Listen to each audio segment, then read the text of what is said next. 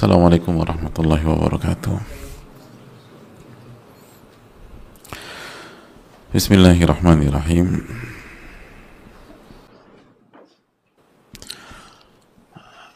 الحمد لله رب العالمين نحمده ونستعينه ونستغفره ونعوذ بالله من شرور أنفسنا ومن سيئات أعمالنا من يهده الله فلا مضل له ومن يضلل فلا هادي له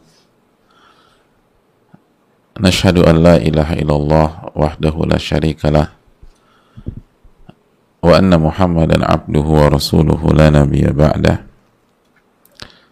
اللهم صل وسلم وبارك وأنعم على نبينا ورسولنا محمد وعلى آله وصحبه أجمعين.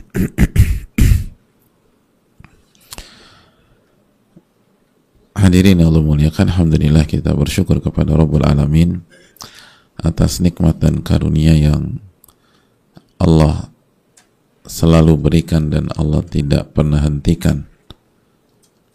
Di mana bumi dipijak di situ ada nikmat Allah tabaraka wa taala. Oleh karena itu zikir yang di tuntunkan dan disyariatkan untuk kita baca setiap hari adalah tahmid. Alhamdulillah.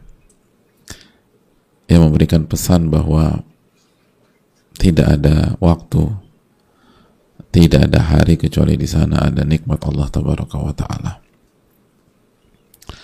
Oleh karena itu tugas besar kita adalah bersyukur tugas besar kita adalah mengingat dan menjadikan ini sebagai motor penggerak untuk bertakarub dan mendekat diri kepada Allah Subhanahu wa taala. Khususnya di hari-hari ini 10 hari pertama di bulan Dzulhijjah ma min ayyam al-amalu salihu fihinna ahabbu ilallah min hadhil ayyam tidak ada satupun hari di mana amal soleh lebih dicintai oleh Allah dibanding amal soleh yang dikerjakan di 10 hari ini. Oleh karena itu, eh, marilah kita isi waktu kita untuk senantiasa mensyukuri nikmat Allah Subhanahu wa taala. Dan hadirin Allah muliakan uh, salawat dan salam semoga senantiasa tercurahkan kepada Rasulullah Sallallahu Alaihi Wasallam beserta para keluarga, para sahabat dan orang-orang yang istiqomah berjalan di bawah naungan sunnah beliau sampai hari kiamat kelak. Allahumma inna nas'aluka ilman nafi'a wa na'udzubika min ilmin la yanfa'. Kita akan kembali bersama Riyadus Salihin kita akan kembali bersama Al-Imam An-Nawawi rahimahullahu rahmatan wasi'ah. Dan kita masih bersama bab Al-Wasiyah bin Nisa. Wasiat untuk senantiasa berbuat baik kepada wanita. Dan kemarin kita sudah membahas hadis Abdullah bin Amr bin Al-As ketika Rasulullah SAW bersabda ad-dunya mata' wa khairu mata'iha al-mar'atu salihah. Dunia adalah perhiasan. Dan sebaik-baik perhiasan dunia sebaik-baik hal yang bisa meninggikan seseorang mengangkat seseorang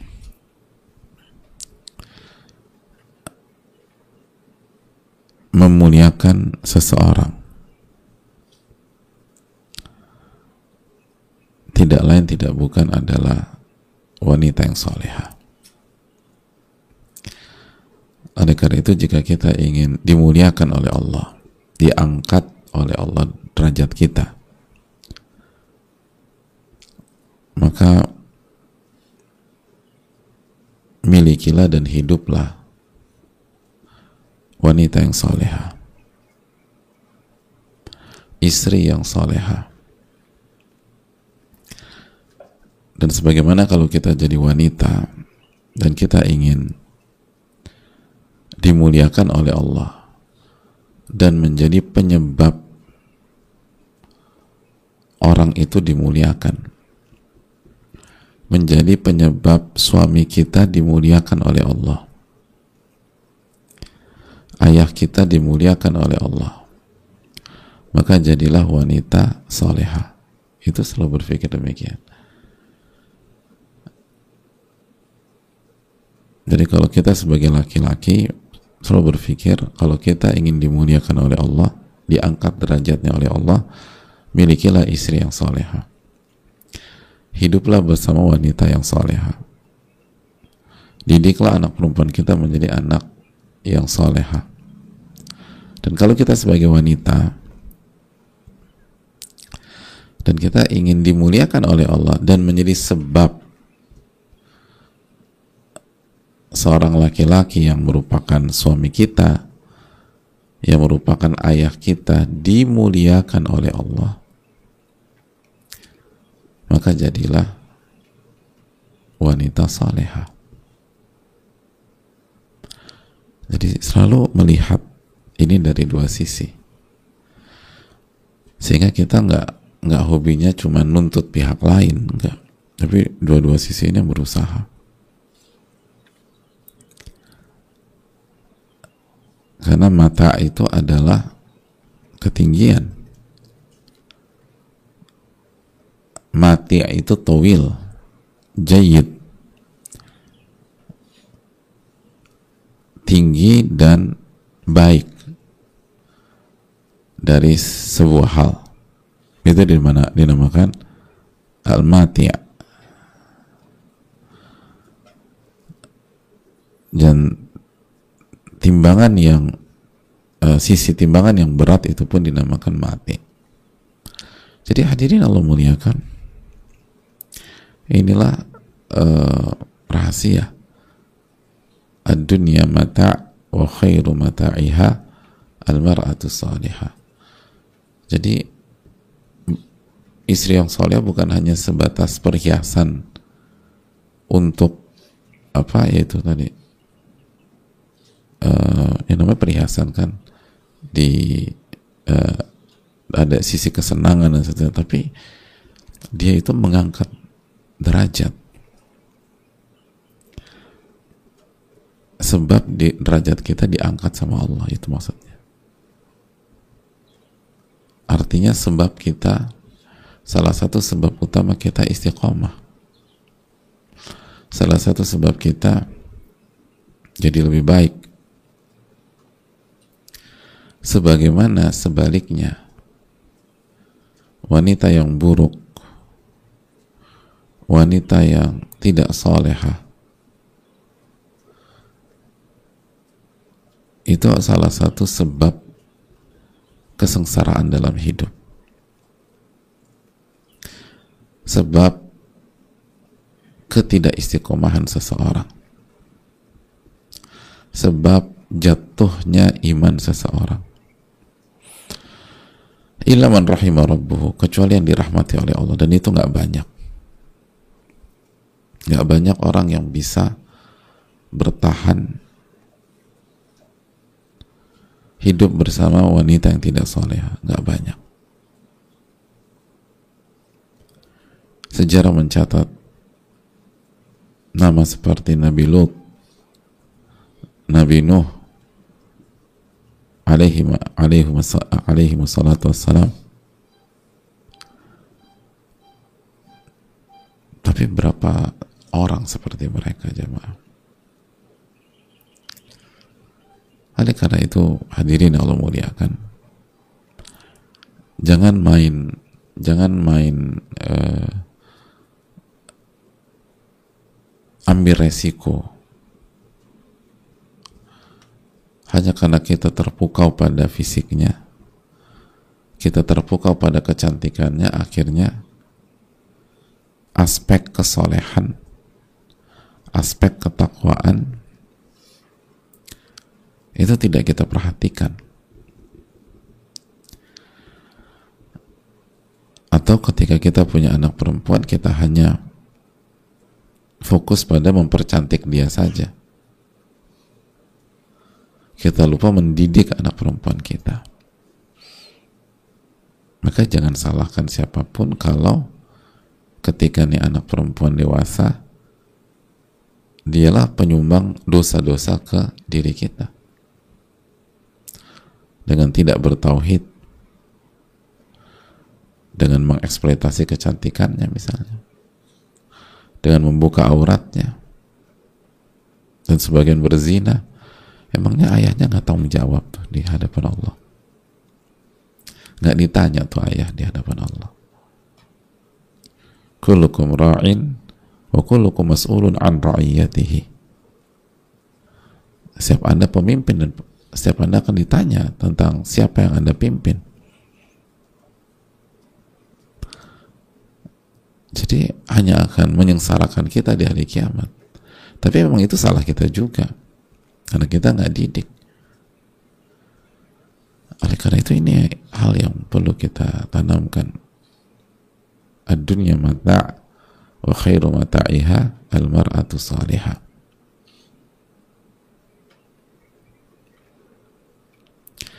itu hal yang perlu kita camkan. Hadirin Allah muliakan uh, itulah hadis Abdullah bin Amr bin As. Dan hendaknya kita sekali lagi lihat dari dua sisi. Jadi bagi wanita, setiap wanita tuh ada atau pada dasarnya wanita itu punya keinginan untuk punya peran dalam kebaikan. Nah kalau ingin punya peran dalam kebaikan, jadilah wanita salihah. Jadilah wanita salihah. Bukan wanita yang sukanya menuntut, nggak akan selesai dan nggak akan bahagia. Sebagaimana laki-laki ingin mendapatkan ketenangan, maka hiduplah bersama wanita saleha. Makanya kan di tas kuno ilaiha agar kalian hidup tenang bersama istri kalian dalam surat Ar-Rum ayat 21. Nah istri yang seperti apa yang bisa menenangkan suaminya? dan membuat Allah memberikan ketenangan kepada suaminya jelas almar atau soleha istri yang atau wanita yang soleha buka sesi diskusi tanya jawab karena sudah beberapa waktu kita tidak berinteraksi. Wassalamualaikum warahmatullahi wabarakatuh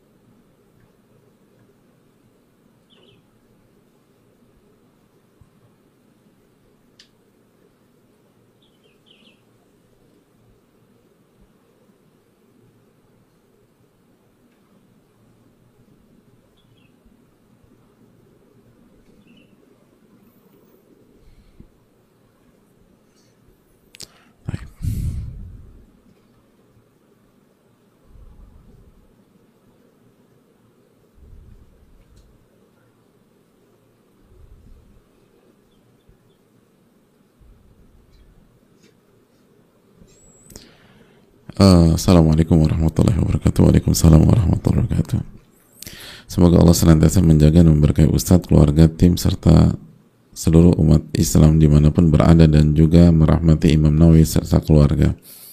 Amin ya alamin. Izin bertanya Ustadz, bagaimana jika ada suami dipergoki istrinya berperilaku LGBT? Alhamdulillah Kemudian karena suaminya ini tidak ingin melepaskan istrinya, maka terkesan suami ini jadi tidak punya power dari dalam rumah tangganya. Sehingga menuruti apa saja kemauan istrinya itu. Walaupun hal yang dilarang misalnya membuka aurat. Apa yang harus dilakukan istri ini Ustadz? Semoga Allah memudahkan Ustadz untuk menjawab. Ya terima kasih atas pertanyaannya. Uh, hadirin Allah muliakan. Uh, jangan menyelesaikan masalah dengan masalah. Jangan mencari solusi atau menyelesaikan maksiat dengan maksiat yang lain. Bukankah al khairu la ya'ti ila bi khair? Atau kama qala Nabi SAW kebaikan itu tidaklah datang kecuali dengan sebab kebaikan jadi kalau ingin baik gunakanlah cara yang baik karena kebaikan itu tidaklah hadir kecuali dengan atau kecuali disebabkan oleh kebaikan. Jadi yang ada perilaku LGBT lalu di direspon oleh direspon oleh istrinya atau bisa jadi dimanfaatkan oleh sang istri untuk uh, mengikuti hawa nafsunya ya nggak selesai-selesai. Yang satu hawa nafsu yang satu hawa nafsu. Kenapa LGBT karena menurut, menurut menuruti hawa nafsu. Nah istrinya juga. Kenapa bukan? Karena menuruti hawa nafsu. Jadi yang menang di rumah tangga ini adalah hawa nafsu.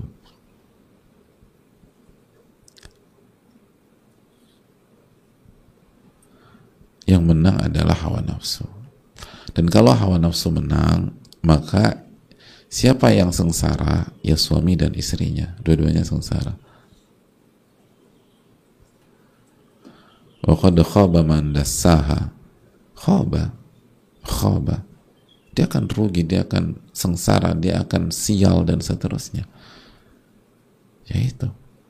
Kalau kita nggak nggak apa uh, nggak membersihkan hati kita, bahkan mengotori hati kita dan memberikan panggung kepada hawa nafsu, untuk menguasai hati kita, maka hanya ada satu kata sengsara di dunia maupun di akhirat. Jadi harusnya terus gimana dong solusinya? Maksiat itu direspon dengan taubat. Direspon dengan taubat. Sang suami taubat taubatan nasuha. Dan salah satu bentuk taubat di, di, di langkah berikutnya adalah kembali menjalankan fungsinya sebagai pemimpin. Bukan justru tersandera oleh istrinya karena istrinya artinya memegang aib suami gitu loh. Jadi dan suaminya ketakutan. Jadi gara-gara maksiat tersebut akhirnya dia tersandra oleh istrinya. Ya udah nurutin semuanya. Bukan begitu caranya. Taubat taubatan nasuha lalu masing-masing kembali ke kotaknya kembali ke kotak ini hanya lingkaran yang ada ujung dan nggak ada tepi. Kalau seperti ini. Dan kita nggak akan dapat kebahagiaan di dunia maupun di akhirat. Allah taala bisawab.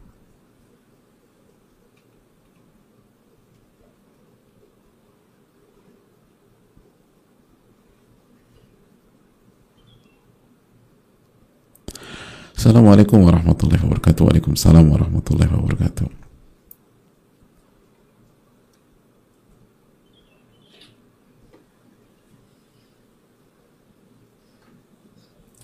ada beberapa pertanyaan tentang uh, kasus ini. Semoga Allah merahmati Imam Nawawi dan keluarganya. Amin ya alamin. Merahmati Ustadz, keluarga serta semua kru dan seluruh kaum muslimin. Amin ya alamin. Izin bertanya kalau suami yang terbaik itu hanya yang tidak memukul. Bagaimana kalau suami yang menyakiti secara verbal?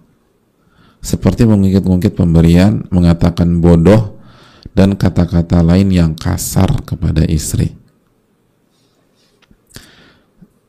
Dalam pertanyaan yang lain, uh, jazak jazak jazakallah khairan uh, beliau menyampaikan ini pertanyaan lain ya penanya lain setelah salam dan mendoakan kita Eh, kita jawab Waalaikumsalam warahmatullahi wabarakatuh dan semoga uh, penanya di semua penanya dijaga dan dilindungi oleh Allah. Ustadz suami saya tidak memukul tapi selalu menyakiti lewat lisannya. Selalu tidak bisa berkata lembut dan ini bagi saya lebih menyakitkan. Lebihnya tuh pakai huruf kapital. Lebih menyakitkan daripada dipukul. Karena saya rasa luka hati lebih susah hilang. Bagaimana menurut Ustaz? Dan tolong beri nasihat terbaiknya. Ustaz syukran. Jazakallah khairan. Barakallahu fikum. Fikum barakallah. Uh, memang uh, dalam beberapa apa dalam beberapa sisi dalam beberapa sisi di diserang melewat, melewat lewat lisan dan dicaci maki lewat lisan itu lebih menyakitkan daripada dipukul. Tapi hati-hati dalam berbicara tentang masalah ini. Karena dipukul juga sangat berat.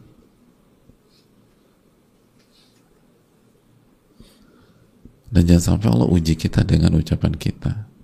Misalnya kadang-kadang kita, saya nggak bicara penanya ya, saya nggak bicara penanya.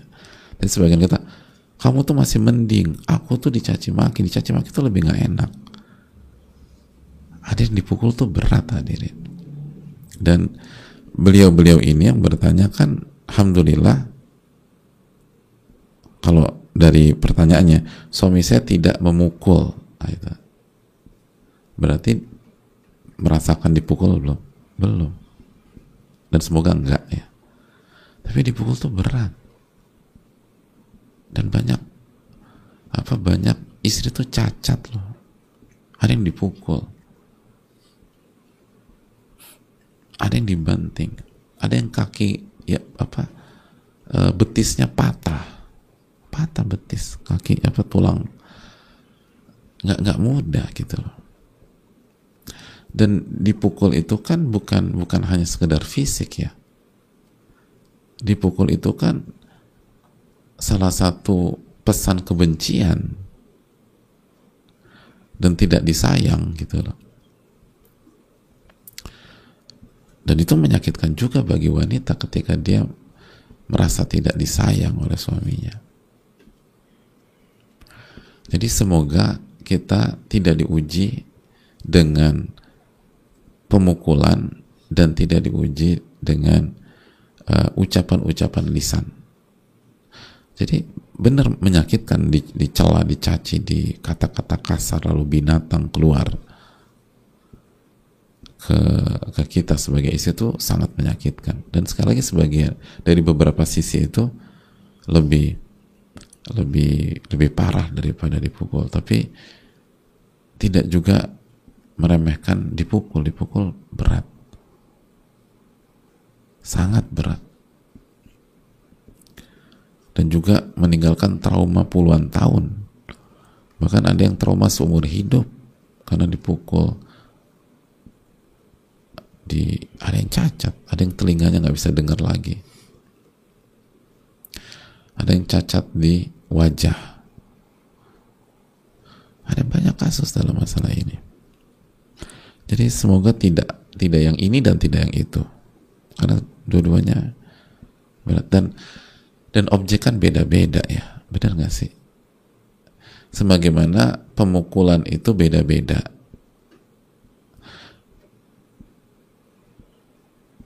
objeknya pun beda-beda. Karena orang nggak sama. Sebagaimana kelemahan orang beda-beda juga. Ada orang memang ketik apa kalau dipukul biasa nggak terlalu ini, tapi kalau dicela dicaci, wah sakitnya minta. Ada sebagian orang enggak. Kalau dicaci dicela biasanya. Kalau dia dipukul, apalagi di muka dan seterusnya, oh itu bisa drop dan hancur dia. Dua-duanya sama-sama berat dan wanita itu berbeda-beda. Semoga Allah jaga dari dua dua masalah ini. Amin ya rabbal alamin.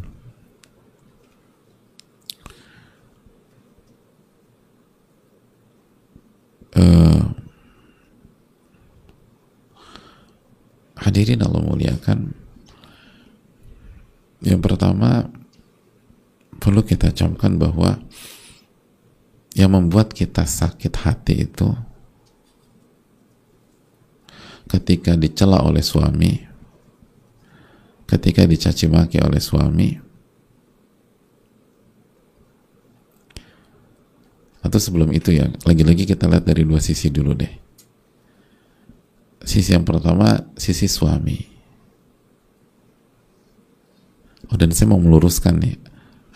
Pertanyaan-pertanyaan adalah, kalau suami yang terbaik itu hanya yang tidak memukul, tidak ada kata hanya tapi di antara ciri suami terbaik itu tidak memukul. Karena nggak ada kata hanya dalam uh, hadis Nabi SAW. Ulaika laisu atau laisa ulaika khiyarokum. Mereka bukanlah orang-orang terbaik di antara kalian. Nggak hanya. Kalau begitu berarti orang suami yang nggak mukul istrinya, tapi dia nggak sholat, terbaik dong enggak kan suami yang nggak mukul istri tapi dia melakukan kesyirikan terbaik. Bukan begitu. Tapi salah satu ciri laki-laki atau suami terbaik adalah nggak mukul istri. Ada ciri yang lain. Ada kriteria yang lain. Ada sifat-sifat yang lain. Itu perlu diklarifikasi. Jadi kita lanjutkan. Dari pihak suami hendaknya suami menjaga lisannya. Nabi SAW mengatakan bahwa yang sulit menjaga lisan itu secara umum wanita, bukan laki-laki. Maka jangan berperilaku seperti itu. Salah satu sekali lagi ciri laki-laki yang baik itu ia menjaga lisan. Man kana yu'minu billahi wal yaumil akhir falyakul khairan aw liyasmut Barang siapa yang beriman kepada Allah dan hari akhir, hendaklah dia berkata baik atau diam. Lalu Nabi SAW bersabda, Man somata najah. Barang siapa yang diam, dia akan dia akan selamat. Karena setiap yang kita omongkan dihisap sama Allah. Dan lisan salah satu penyebab banyak orang masuk neraka. Dan sekali lagi tidak cocok dengan DNA laki-laki gak cocok dengan DNA laki-laki. Makanya lihat orang-orang besar.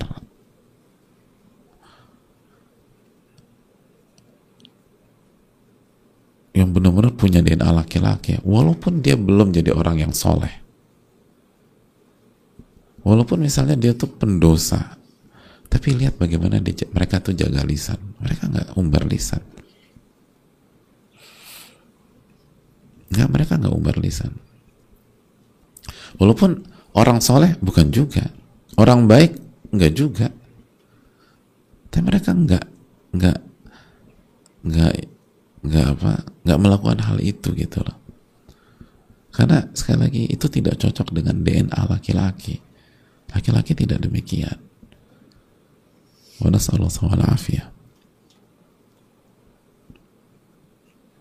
Jadi itu bagi suami, bagi istri, perlu kita camkan bahwa yang membuat kita sakit hati, terpukul, luka yang yang apa yang dikatakan yang yang senantiasa menganga dan tidak pernah kering itu bukan kata-kata dari suami kita bukan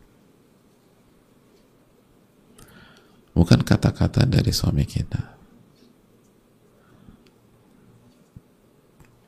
Namun yang membuat kita sakit hati adalah karena kita biarkan kata-kata itu masuk ke dalam hati kita. Itu yang membuat kita terpukul, hancur, luka, dan trauma. Kalau kita tidak biarkan kata-kata itu masuk ke dalam hati kita, kita selewat aja.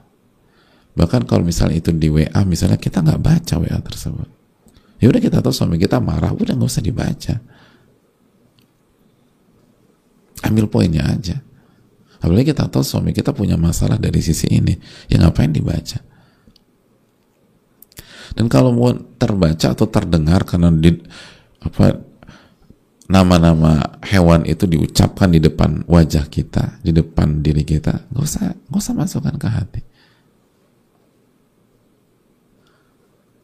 Yang harus kita masukkan ke hati adalah zikrullah. Mengingat Allah. Bukan mengingat kata-kata itu. Nabi kita SAW mengatakan apa? wa ayu qalbin ankaraha nukitat lahu nuktatan bayda setiap jiwa setiap hati ketika fitnah itu mencoba masuk fitnah apa pun itu mencoba masuk ke, ke hati itu ankaraha hati itu mengingkarinya menolaknya mengusirnya. Nggak dikasih masuk sama hati. Nggak nggak nggak pergi pergi pergi pergi gitu. Diingkari nggak. Maka Allah akan bubuhkan titik putih ke hati tersebut. Titik putih sehingga kalau titik putih itu terus maka hati kita bersih jadi justru bisa jadi kata-kata kasar itu kata-kata nggak pantas itu itu membuat hati kita semakin bersih. Allahu Akbar. Karena semakin banyak kata-kata itu diucapkan ke si istri, lalu setiap istri itu mendengar kata-kata itu, hatinya selalu mengingkari, mengingkari, mengingkari, mengingkari, mengingkari, mengingkari, berarti titik putihnya semakin banyak nggak? Semakin banyak, semakin banyak, semakin banyak. Jadi hatinya semakin apa? bersih, putih atau pekat hitam? Ya? Bersih. Berarti isi yang ngerti ilmu berharap dapat kata-kata apa dari suami? Mas, hari ini dong mas. Kayaknya hati agak-agak kotor nih. Saya butuh membersihkan. Ya bukan begitu juga hadirin. La tatamannau liqa'al adu. Jangan pernah berharap bertemu dengan musuh Jangan pernah berharap bertemu dengan kata-kata itu. Tapi kalau letak dirikan fasbiru sabar. Iya apa tidak? Makanya bikin sakit hati banyak orang di masyarakat.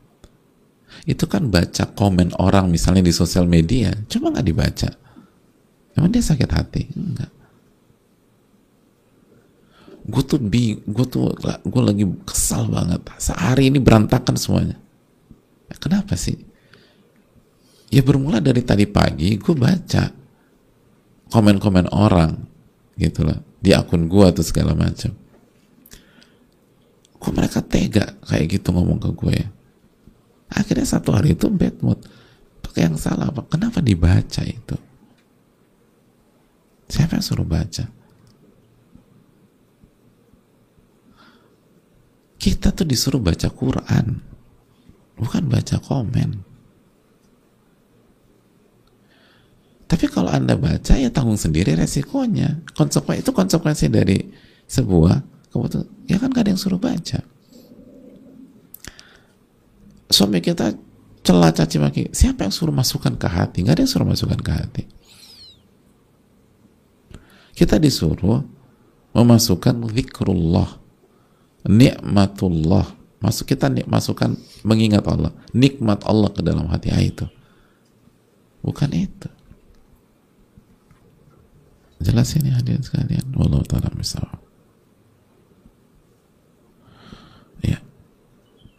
Lanjutkan. Semoga Allah memberikan taufik kepada kita. Tapi berat jelas berat. Nggak mudah Ustaz. Setuju nggak? Mudah. Ini bukan menggampangkan kita tuh perjuangan istri-istri yang dicela, dicaci maki, di kata-kata yang nggak bagus. Itu sangat-sangat menyakitkan, tapi coba dilatih lah. Jangan masukkan ke hati. Apalagi kalau suami kita ya memang uh, masalahnya di sini berarti kan bukan sekali dua kali. Ya udah jangan anggap biasa aja udah. Jadi masukkan, jadi masukkan. Masukkan zikrullah azza wa. Allah taala. Bismillah, Assalamualaikum warahmatullahi wabarakatuh Waalaikumsalam warahmatullahi wabarakatuh Semoga Allah memberikan rahmatnya untuk Imam Nawawi, keluarga Semoga Allah memberikan Ustadz, keluarga, tim Begitu juga kaum muslimin, muslimat di mana pun berada Amin ya Rabbal Alamin Ustaz saat saya belum bisa mendidik, menyampaikan ilmu kepada keluarga karena keterbatasan diri yang kurang ilmu, maka saya membawa keluarga ke kajian. Apakah itu sudah termasuk mendidik mereka dan seperti itu diperbolehkan? Syukran jazakallahu khairan wa. Terima kasih.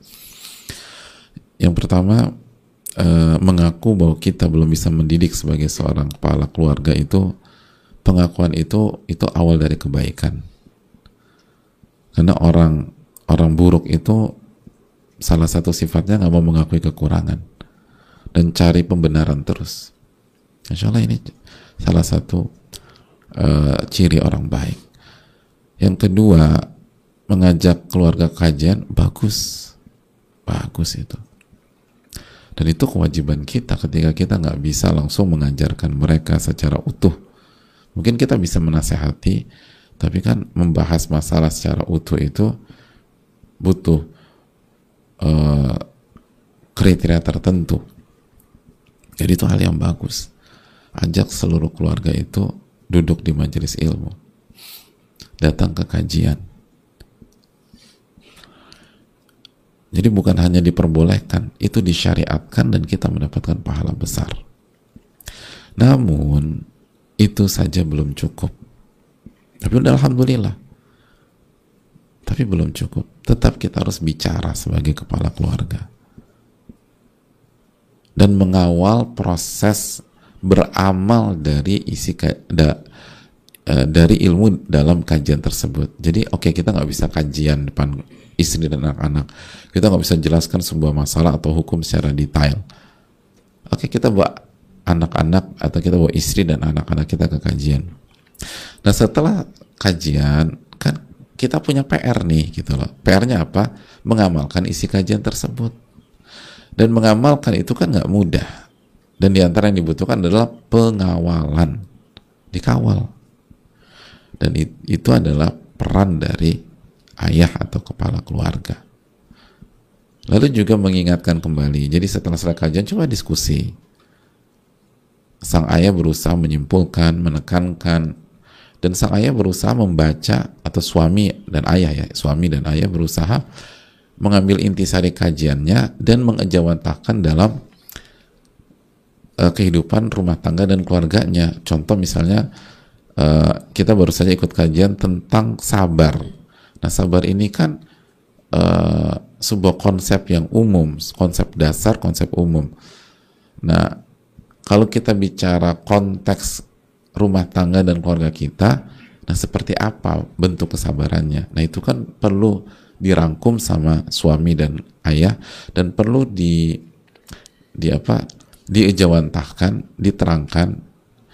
Jadi setelah setelah selesai kajian kita bisa bilang ke uh, anak kita yang kemarin ujiannya nggak lulus. Misalnya ujian uh, apa? Universitasnya nggak lulus belum diterima gitu. Nah seperti kamu kak kemarin kan kamu udah berusaha lalu kamu uh, Allah belum takdirkan lulus. Nah berarti kamu harus bersabar gitu loh. Karena kan sang ustad atau ulamanya nggak mungkin bilang begitu.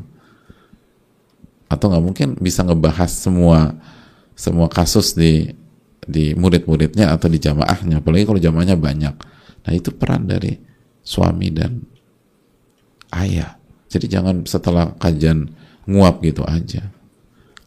Disampaikan lagi, terapkan dalam kasus rumah tangga dan keluarga kita, lalu dikawal. pengamalannya.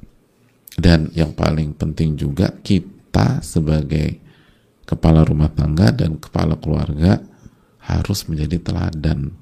Artinya menjadi orang yang pertama mengamalkan isi kajian tersebut.